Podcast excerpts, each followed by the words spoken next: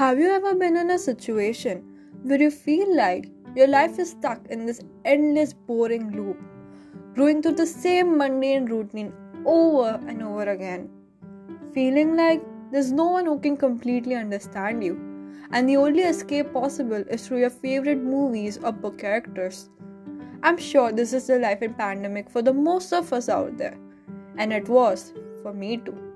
In Split Reality, I will be reviewing and talking about the movies that inspired us to smile in the bleakest situations, made us brave in the hardest situation, and hopeful in the unlikeliest situations. There will also be personal stories, book recommendations, interviews, and more coming out soon. So, what are you waiting for? After all, it's only human to feel emotions.